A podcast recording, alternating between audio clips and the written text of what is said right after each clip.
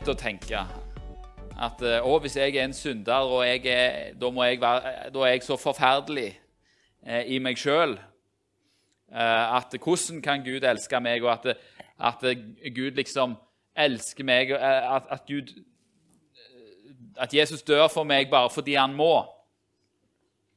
For å liksom rette opp i noen sånn kosmiske greier. Han liker meg egentlig ikke, men han må fordi Gud har sagt det, eller fordi far har sagt det. Men, men det er ikke sånn. Nei, Jesus elsker deg. Du er verdt mye. Ja, vi er syndere. Ja, vi har gjort mange gale ting. Ja, vi er forderva i vår synd. Men Jesus elsker deg. Og det er derfor han kom. Vi har en oppsøkende Gud som kom for å rette opp alle ting eh, og for å eh, føre oss tilbake til seg. Han har åpna veien, sånn at vi kan gå inn. Og det kan vi bare si halleluja og takke og prise for. Veldig bra. Jeg vil bare si det. Vi kan begynne, å, kan begynne med å takke. Herre Jesus, vi bare ber om at du kommer og er med oss nå. Eh, du har sagt, Herre, at der to og tre er samla i ditt navn, så er du midt iblant dem. Og du er midt iblant oss, Herre. Du er en helt som frelser. Du er her for å frelse. Du er her for å møte oss. Du er her for å gjenopprette oss og for å bygge oss opp, Herre. Ved fellesskapet med deg og hverandre. Eh, og med å høre ditt ord, Herre, så, så, kan vi få lov til å bli satt i frihet, Jesus. Eh, satt i stand, Herre, til å gå ut eh, og gjøre godt og elske andre mennesker sånn som du har elska oss. Amen. Amen. Vi fortsetter serien av en annen verden. Eh, og eh, i eh, denne andre verden som, som meg og Magnus har på en måte tenkt at vi skal, skal gå inn i, så, så, har vi valgt dette temaet fordi måten Guds rike fungerer på, og måten denne verdens rike fungerer på, det er annerledes. Du er ikke først og fremst nasjonaliteten din, der du kommer fra. Du er ikke først og fremst plassen der du bor. Når du tror på Jesus, er du først og fremst et Guds barn. Og det kan vi få lov til å Og det betyr at vi som et Guds barn så forholder vi oss annerledes til ting enn de gjør i verden. Um, og I dag så skal vi snakke om det korte temaet ord. Er det sånn som dette med ord? Ja. Det korte temaet ord. Um, det er jo kjempeenkelt å snakke om ord, er det ikke det? Hele denne boka er full av ord. I en norsk bibel så er det omtrent 740 000 ord. Originalspråket er litt færre, fordi det norske språket må bruke litt flere ord for å forklare ting. Men vi skjønner da på størrelsen av boka at ord er viktige. Yes. Og du skal ikke så langt inn i Bibelen før du ser kraften og virkningen av ord. Jeg kan gå inn eh, i eh, det, Ja, I første Mosebok allerede eh, så kan vi lese i første Mosebok 1-3 og første Mosebok 3-4 og 5. Dette er de første kapitlene. I det vers 3 så, så står det at Og Gud sa, 'Bli lys', og det ble lys. Og så kan vi følge videre hvordan Gud sier ting, og så blir det sånn. Gud skaper verden ved sitt ord. Og så ser vi, og det er jo kjempebra, at når Gud bruker ord, så skjer det som Gud sier skal skje. Og så ser du den andre sida av mynten på hvordan ord kan brukes. I 1. Eh, Mosebok 3, 4-5. Da er det slangen som bruker noen ord. Da sa slangen til kvinnen, 'Dere kommer slett ikke til å dø.' Men Gud vet at den dagen dere eter av det, vil øynene deres åpnes. Dere vil bli slik som Gud, til å kjenne godt og ondt. Ved ord så skapte Gud verden. Ved ord så skapte Gud alt som er godt. Og ved ord så kom syndefallet inn i verden. Ords kraft og virkning kan ikke overvurderes. Ord har en enormt skapende kraft. Og så kan ord ha en enormt destruktiv kraft.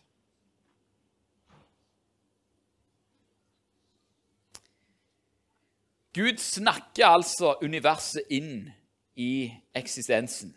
Han bruker ord. Hva er ord egentlig for noe? Jeg gikk og sjekka en sånn definisjon av hva ordet er.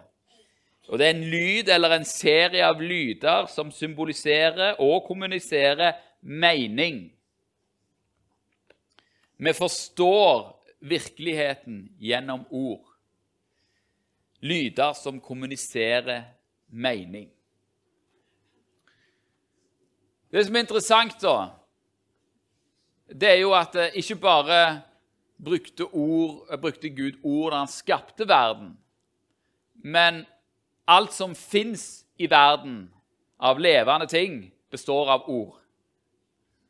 Alle levende ting i verden består av ord i form av DNA.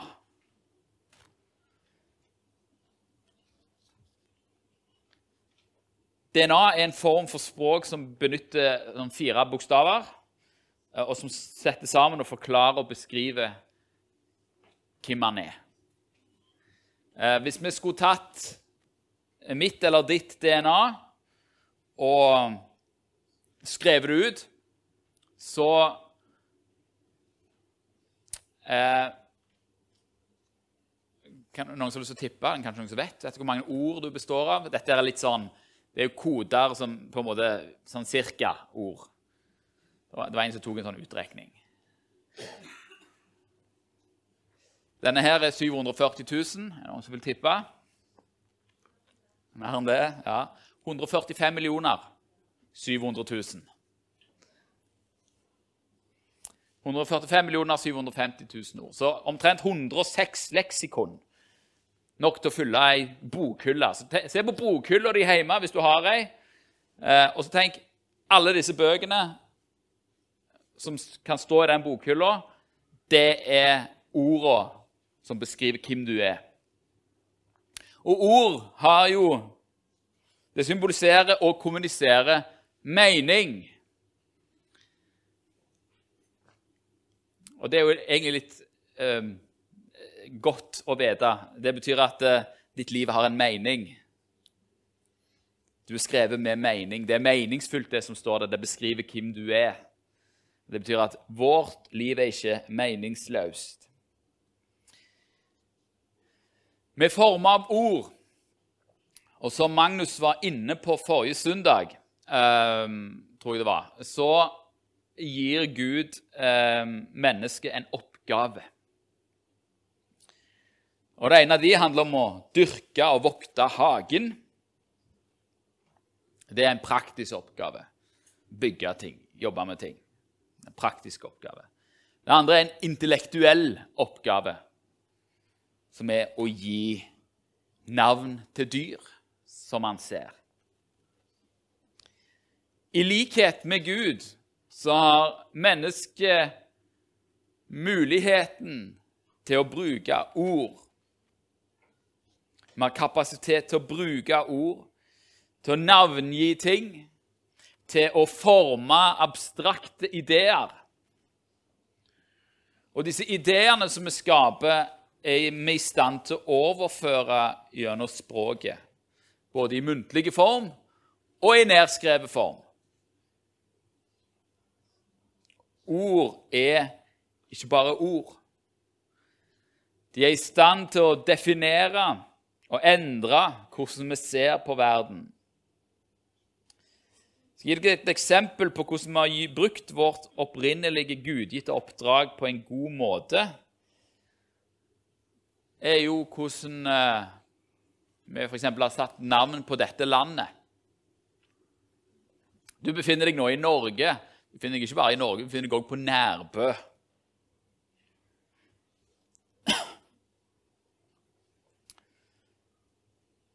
Hele verden er enig om det. Ingen som Ja. Dette er Norge. Men eh, Norge er jo en menneskelig oppfinnelse. Jo, geografien er skapt av Gud. Absolutt. Men det er vi som har bestemt at akkurat dette hjørnet av verden skal kalles Norge. Og siden hele verden er enige om dette, så er det allment akseptert at Norge eksisterer. Vi lever som om Norge er en faktisk størrelse. Men det er bare en idé som vi alle er enige om å tro på. Det er en gammel idé òg. Litt over 1000 år. Jeg vet ikke hvor gammel ideen Nærbø er. Kanskje kanskje enda eldre. Men det sier noe om hva mennesket er i stand til gjennom sine ideer.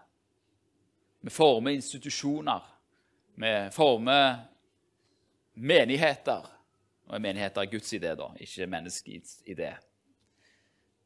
Men at vi skulle kalle, den, kalle det dette, eller ja Så hvordan vi bruker ord, definerer veldig mye av hvordan vi ser på verden. Eh, for eksempel, hvis jeg går nå og, og, og snubler i en stein, så vil jeg si, jeg vil si jeg snubla i steinen. På noen språk så sier man ikke det. Man sier 'steinen snubla meg'.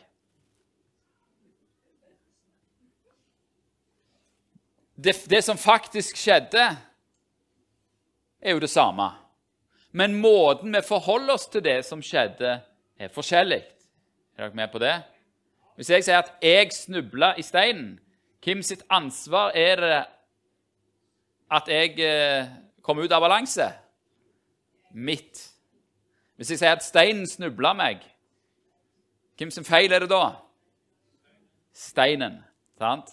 Så Virkeligheten er den samme, men hvordan vi fortolker virkeligheten, det blir farga av de ordene som vi bruker.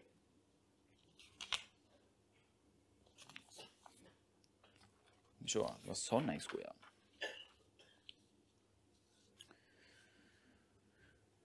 Derfor er det også sånn at, eh, Da kan vi ta neste punkt. At når Jesus skal introdusere oss for et nytt rike for sitt rike, hva er det da han bruker for, for å introdusere oss til dette? Jo, han bruker ord. Han bruker ord. Johannes 8, 51, så står det Sannelig, sannelig sier jeg dere, om noen holder fast på mitt ord, skal han aldri i evighet se døden. Han skal leve om han enn dør. Det er jo et løfte å holde fast på Jesu ord. Romerbrevet 10, 8b-10 sier Ordet er deg nær i din munn og i ditt hjerte. Det er troens ord, det som vi forkynner. For dersom du med din munn bekjenner at Jesus er Herre, og i ditt hjerte tror at Gud reiste ham opp fra de døde, da skal du bli frelst. Med hjertet tror en til rettferdighet, og med munnen bekjenner en til frelse. Hvordan er det vi får komme inn i Guds rike? Jo, først så må vi høre om Guds rike. Noen må forkynne evangeliet om Guds rike, som har blitt gjort så vidunderlig her på Barnas kvarter i dag. Som jeg òg prøver å gjøre en del av. Det er derfor vi, Hvorfor setter vi av så mye tid til forkynnelse i menighetene våre? Jo, for det er noe med ordet. Hvis du tror i ditt hjerte og bekjenner med din munn, så skal du bli frelst. Hvorfor er du frelst? Jo, du har hørt ordet. Og så har du trodd ordet, og så har du bekjent Jesus som frelser, så skal du bli frelst, står det. Det er inngangsporten til et nytt rike. Det skjer ved ord. I apostelgjerningene 13, 48-49 så står det at Paulus hadde nettopp forkynt evangeliet, og da sa han da, hedningene hørte dette, gleda de seg og priste Herrens ord. Og de kom til tro, alle de som var bestemt til evig liv.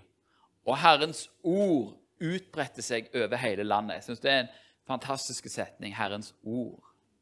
Nyhetene, evangeliet, er jo godt nytt. Det er jo ord, det er et budskap. Det er jo et fascinerende paradoks at uh, djevelen sådde inn ord, falske ord, for å skille oss fra Gud. Og så kommer Jesus med andre ord, med sanne ord, for å føre oss tilbake igjen til Gud.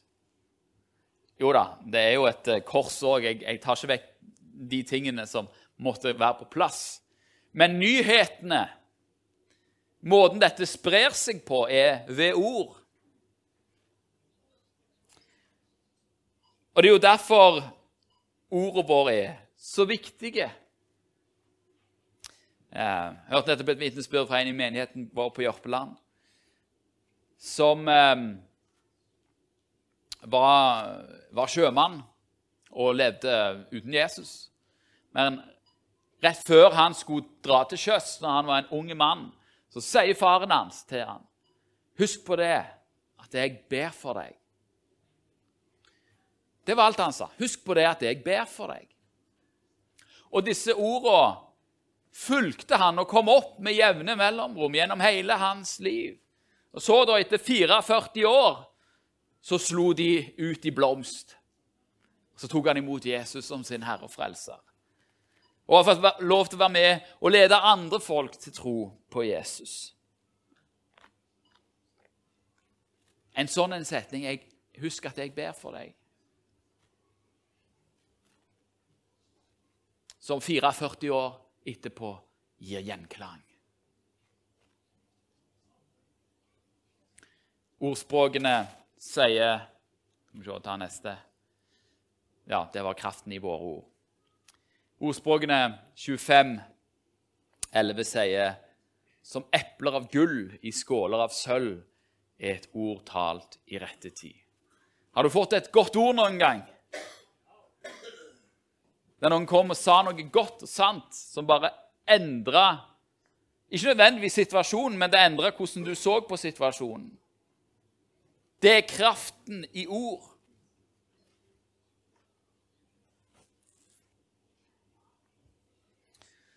Og Samtidig så jo, kan jo ord være livsfarlige.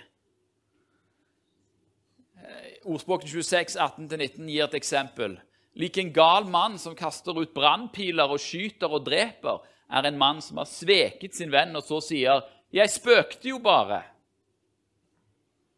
Ja, men det var jo bare en vits. Var, jeg tulla jo bare. Jeg mente jo ikke det jeg sa.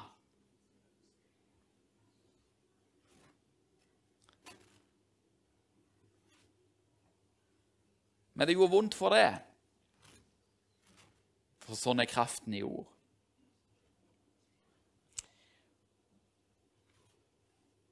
Ord er mektige, og de skal ikke undervurderes. Ved ord så skapte Gud verden, og ved evangeliets ord om Jesus Kristus så blir vi frelst.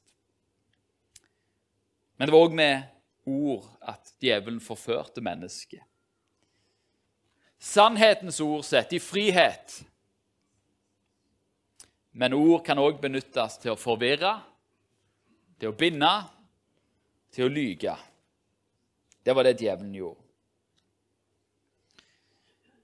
De to foregående talene i serien som vi har snakket om, som Magnus snakket om, som handler om identitet, om kjønnsdebatt, hvem vi dypest sett er Hva er det, hva står den kampen om? Er det en kamp om ord? Er dere med på den?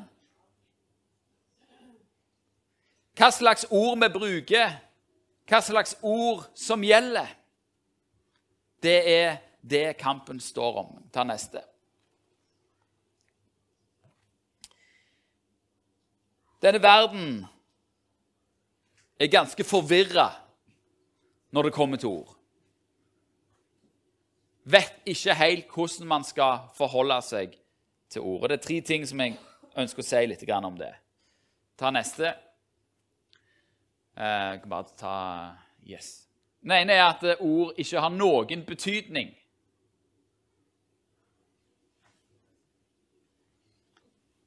Ja, men det var jo bare et ord. Det er noe som har vært et sånn regjerende paradigme. At ord er ikke viktige. I et eh, ytringsfrihetssamfunn som vi lever i, så har jo det vært et ideal at man skal ikke sensurere ord. Folk må få lov til å si det de vil. Folk må få lov til å bruke de ordene de vil. For det er, det er jo viktig at vi får lov til å si det som vi vil. Ellers er jo ikke samtalen fri, og hvis samtalen ikke er fri, da er vi jo ikke et fritt samfunn. Og Det har jo da ledet noen til å tenke at ja, men ord har ikke så mye betydning. Løftene som vi gir hverandre, ja, det har jo ikke noe betydning. De er jo ikke bindende.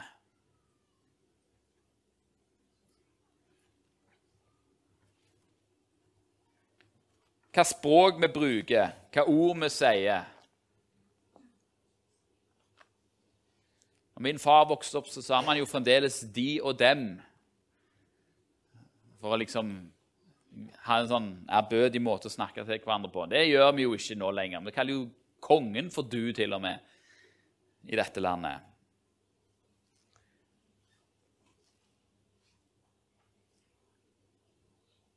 Så det har vært en en, eh, en trend i vårt samfunn at ja, ord har ingen betydning. Det, liksom det, det, fremste eksempelet på dette var jo i 2005, når man da avskaffa den, den, siste loven i, i, dette landet som regulerte ord. Eh, og det var loven om ærekrenkelse. Eh, som handla om at hvis du trakasserte noen eller eh,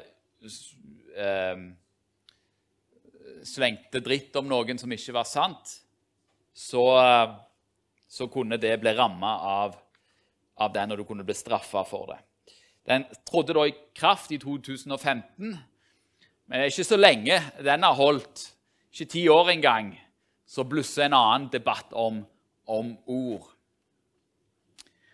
Eh, og den eh, debatten har gjort at det nå eh, altså for det er sånn, Før den tida så var det jo på en måte vi som kristne som, som, eh, eh, som var litt skeptiske til at man skulle ha fullt frislepp på ord.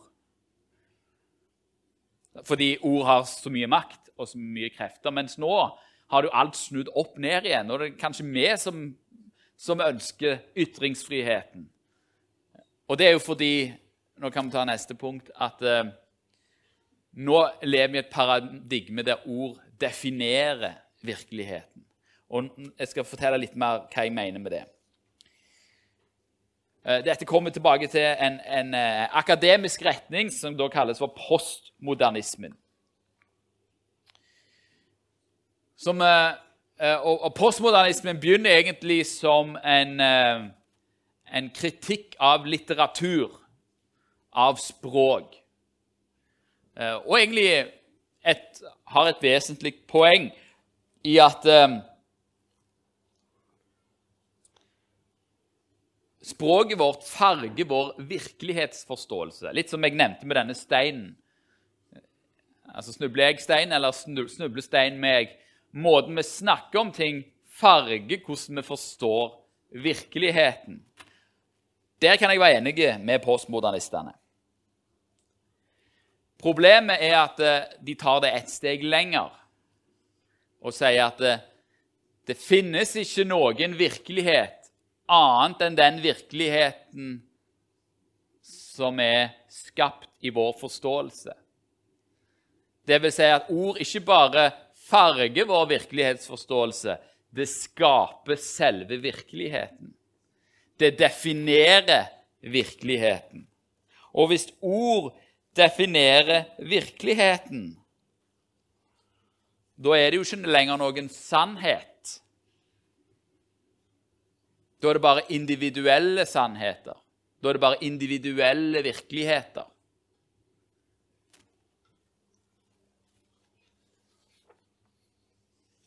Men det er jo ikke sant. Men det er det kampen nå står om, om ord.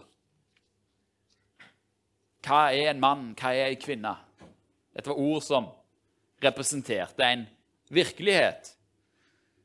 Og så hvordan vi forstår hvordan en mann skal være og en kvinne, ja, det er farga av den individuelle opplevelse, av kulturelle normer. Men at det fins noe som er mann og kvinne, det er noe som samsvarer med virkeligheten, sånn som han er. Og Hvis vi bruker våre ord til å fornekte eller vri på virkeligheten, så får det konsekvenser for oss. Vi kan bruke og velge å bruke våre ord til å bekrefte virkeligheten sånn som den er. Eller så kan vi bruke den til å fornekte eller vri på virkeligheten. Veldig mange av byrdene som vi mennesker bærer på, kommer som en konsekvens av at vi tror på ord som ikke samsvarer med virkeligheten.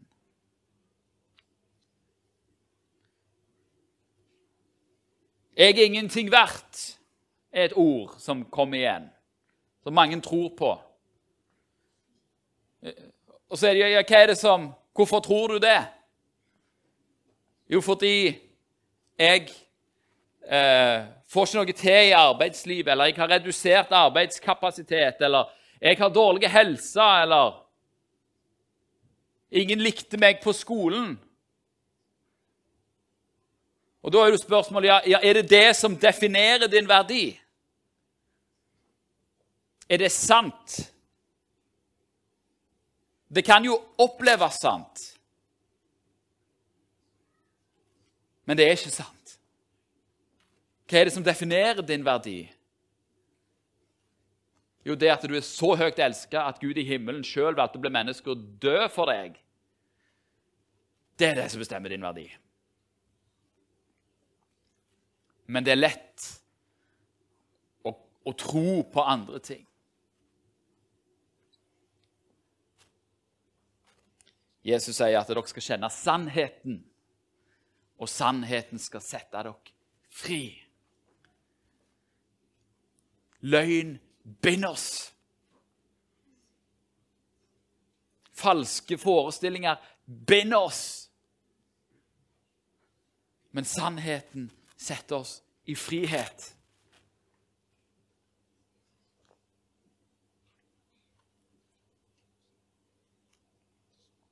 Det siste punktet er jo en variant av virkeligheten. Når man da forsøker å manipulere virkeligheten gjennom magi. Hvorfor i all verden snakker du om dette? Det er jo ingen som driver på med det. Eh, jo, det er det. Masse. Stadig flere.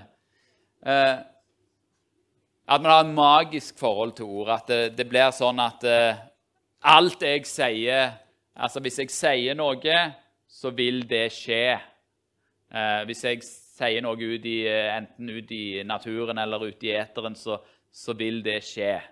Eh, du, da, da, overvurderer du hva ordene dine har å si. Ordene dine kan ha stor betydning, både for deg sjøl og for andre, men det er ikke magiske egenskaper. Det er ikke sånn at hvis jeg sier til det pianoet 'hopp', så hopper det. Fungerer ikke sånn. Uh, Gud er Gud. Hvis han sier at noe skal hoppe, så hopper alt. Uh, men, men, jeg som menneske er ikke gitt den muligheten. Det er noen som ønsker at de har den muligheten. Uh, og noen som tror at det, livet fungerer sånn. Det er da ideer om forbannelser og sånt kommer. At det liksom Ja, jeg, jeg, jeg kaster en forbannelse over deg man, liksom, man tror at man opererer i, i sted. Og innenfor kristne sammenhenger så har òg dette vært en, en, sånn greie. Fordi Jesus har jo vitterlig sagt 'be', og eh, hvis dere tror at dere skal få det, så skal det bli gitt dere. Bare tro at dere får det, så skal det bli gitt dere, sier Jesus. Og, og så er det noen som har tatt dette her litt vel langt, da. Der, der man eh, liksom eh, Ja, jeg ber om bil og, og hus og, og alt. Eh, for min egen del. Selvfølgelig, selvfølgelig, kan du be om både bil og hus og jobb. Eh, det gjør man stadig vekk. Eh, jeg har en kompis som vi ba om han skulle få en, en, ny jobb, og har fått en jobb. Tror det at det var Gud? Ja, det tror vi på. Eh, Gud gjør sånne ting eh, for oss fordi han har omsorg for oss. Men vi, vi kan ikke manipulere det fram. Det er poenget. Det er ikke en sånn automatikk i det. Da, da er du over i sånn magisk bruk av ord. Og det er ikke i tråd med Gud eller med Guds vilje. Men um, så alle sånne ting om manifestering og sånt som har blitt så poppis eh, nå om dagen, det er jo bare en variant av dette. Vi skal liksom manifestere til Bare si det mange nok ganger, så blir det sånn. Det er klart at de ordene vi sier mange nok ganger, de begynner vi å tro på. Så ja, du må si til deg sjøl at Gud elsker meg og har dødd for meg, og minne deg sjøl på de ordene, på Hans ord, fordi det er sant. Og det vil òg sette deg i frihet. Yes. Bra. Så hvordan, når vi vet at ord er så kraftige og virk, virksomme, hvordan skal vi da forholde oss til ord? Kan vi ta neste. Vi må forholde oss forsiktig med ord. Matteus 12, 33-37. Et langt eh, stykke, men jeg skal lese det. Sier Jesus, la enten treet være godt og dets frukt god, eller la treet være dårlig og dets frukt dårlig.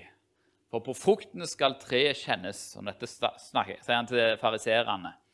Ormeyngel hvordan kan dere tale godt, dere som er onde? For det hjertet flyter over av, det taler munnen. Et godt menneske bærer fram gode ting fra sitt gode forråd, og et ondt menneske bærer fram onde ting fra sitt onde forråd. Men det sier jeg dere, hvert unyttig ord som menneskene sier, skal de gjøre regnskap for på dommens dag. For etter dine ord skal du bli kjent rettferdig, og etter dine ord skal du bli fordømt. Ja Hvert unyttig ord som menneskene sier, skal de gjøre regnskap for på dommens dag. Jeg kommer fra en familie der ordene sitter løst. Hvis vi har noe på hjertet kommer det ut. Og det er både i positiv og, og negativ forstand. Det er fullt av 'Å, jeg er så glad i deg i min familie'. Og så er det fullt av uh, 'Er du helt idiot?' Det er litt sånn eh, Det er, altså, det, det er sånn, sånn, sånn, jeg vokste opp. Uh, og jeg, jeg syns jo det, Jeg er fan av, av at man skal uh, bruke Altså at man skal dele det som er på hjertet det, det syns jeg er en god ting. Men det fins noen men. Det er ikke alt som kommer ut av munnen min, som er smart.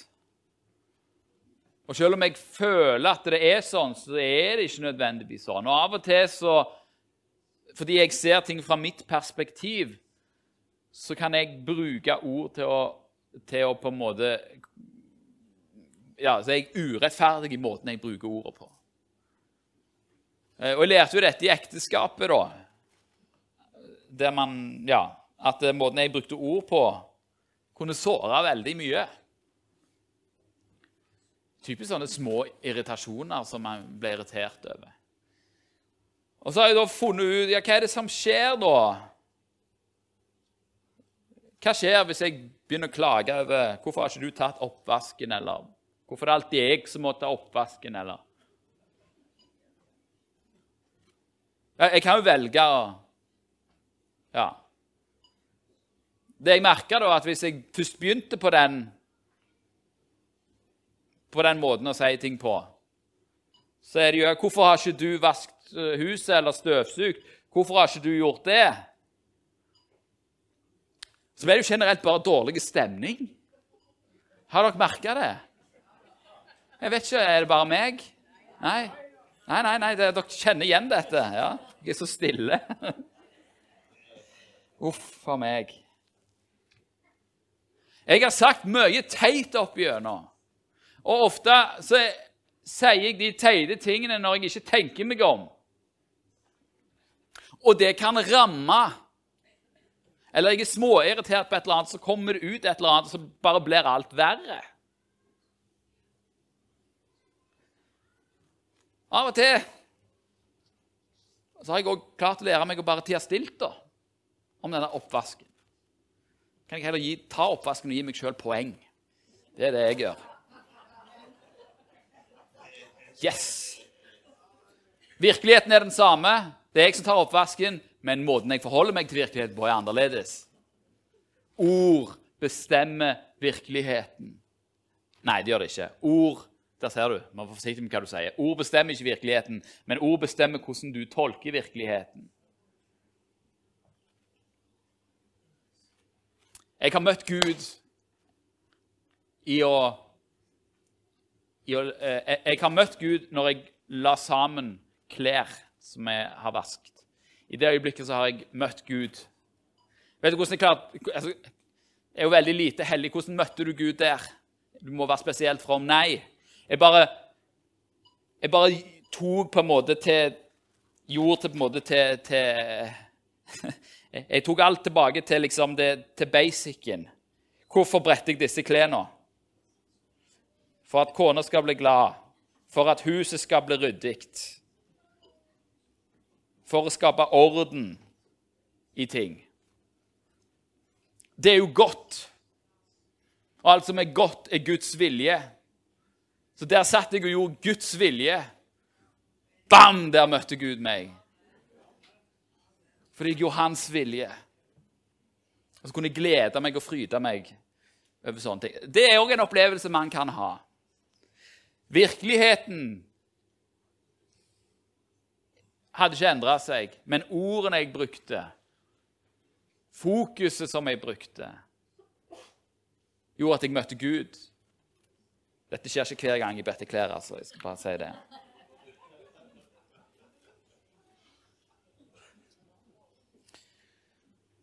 Men ordene vi bruker, kan ha konsekvenser.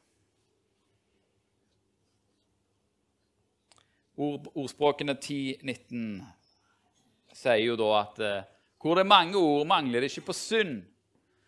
Men den som holder, holder sine lepper i tømme, er klok. Ja, jeg er jo ikke kjent for å tie stilt.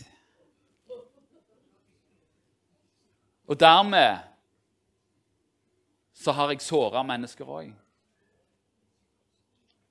Her, her, om dagen måtte jeg gå og be om unnskyldning for noe som ja, det var Før sommeren så jeg gikk og ba om unnskyldning for noe som skjedde for ti år siden. Fordi jeg hadde vært dum krenk, og krenka noen.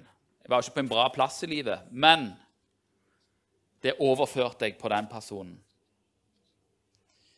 Og Da sier Herren at uh, gjør opp med personer før du kommer til alteret. Sant? Vær føyelig overfor din motstander mens du ennå er med han på veien. Jeg vil, ha, jeg, jeg vil, ikke at Gud skal stå og si det på dommens dag. Hva med det der? Så da gjør jeg heller opp. Sier vet du hva, jeg dreit på draget.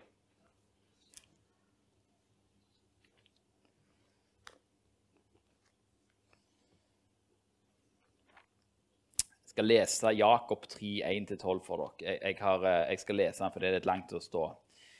Eh, det er ganske mye som sier noe om ord. Og kommer òg med en advarsel.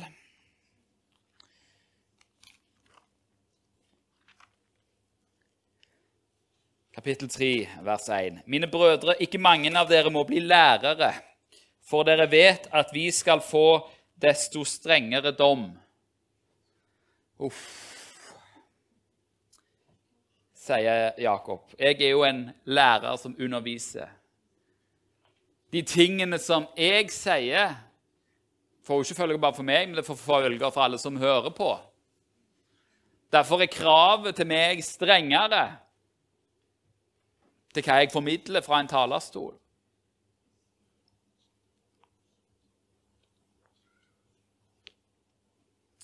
Og Vi snubler alle i så mangt.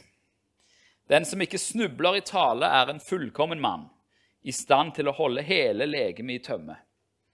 Når vi legger bissel i munnen på hestene for at de skal lystre oss, så styrer vi også hele kroppen deres.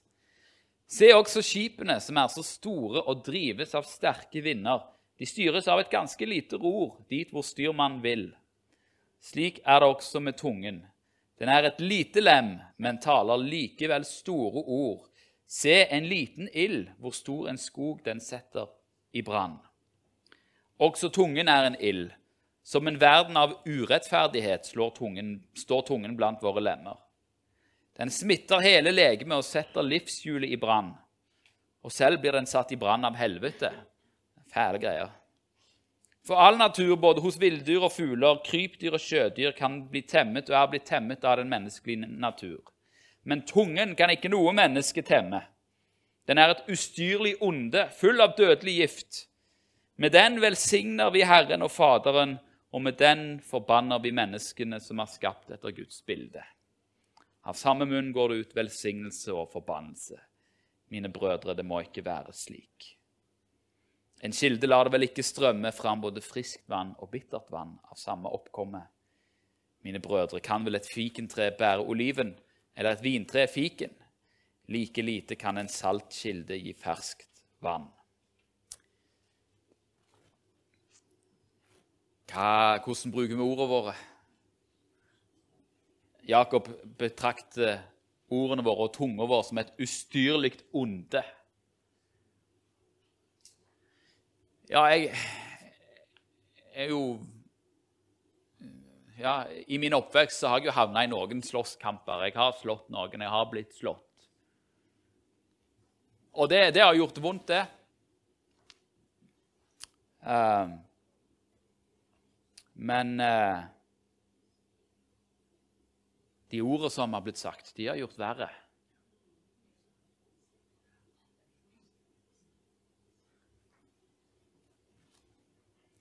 Jeg husker ikke slagene nødvendigvis. Men man husker ord som har blitt sagt.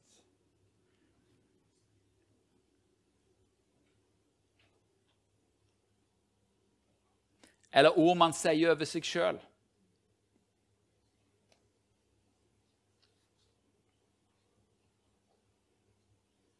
Derfor vær forsiktige med hvordan man bruker ord. Efeserne 4,29 sier La ikke råtten snakk gå ut av deres munn, men god tale som er nødvendig til oppbyggelse, og som blir til velsignelse for de som hører på.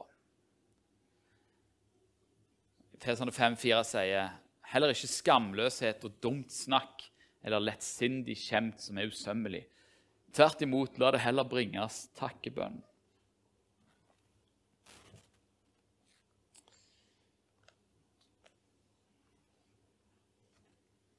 Hva ord bruker vi om hverandre? Og eh, dette taler jo like mye til meg som til alle andre. Vi, det, vi er jo alle i samme båt her.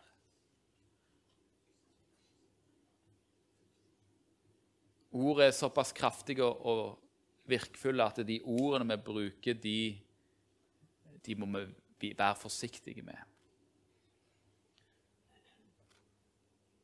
Og samtidig så kan vi òg være bevisste på at de ordene som jeg forkynner, hvis de er i samsvar med ordet, så er det ånd og liv. Så skaper det ånd og liv for mennesker.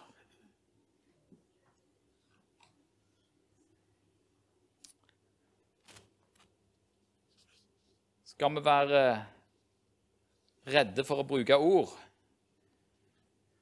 Jeg tenker at uh, vi skal tenke oss godt om før vi bruker kritikk, uh, anklage Sånne ord. Enten det er face to face eller på internettet. På internettet er det mye ord. Stort sett mye dårlig. En kommentarfelt på internett, f.eks. Eh, Ja. Det degenererer fort.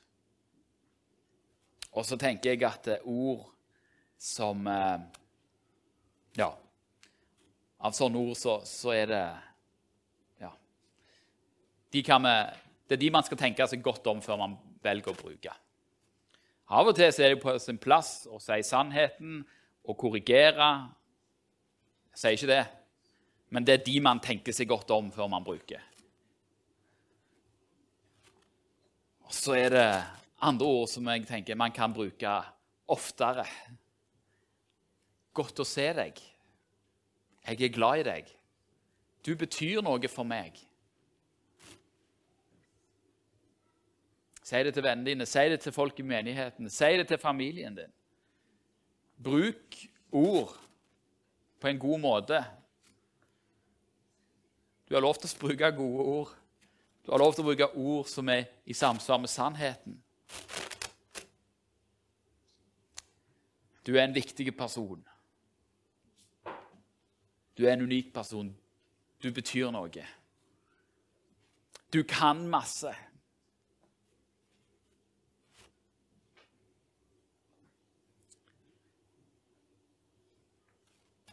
La det være god tale som er til nødvendig til oppbyggelse, så blir til velsignelse for de som hører på.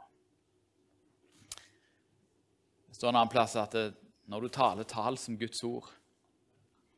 Tal Guds ord. Det Ja. Å, jeg hadde ja, hadde jeg tenkt meg om, skulle jeg vist dere en video som på en måte viser kraften i ord. Men uh, yes. Vi skal ta og be litt sammen. Kjære Jesus, jeg eh, takker deg, Herre, for, uh, for dine ord. Jeg takker deg for at dine ord er sannhet. De er i samsvar med virkeligheten. De er sånn virkeligheten er, og dine ord kan vi få lov til å ta inn. Og så kan vi få lov til å la de ordene forvandle hvem vi er, og så kan vi få lov til å snakke sånn som du snakker.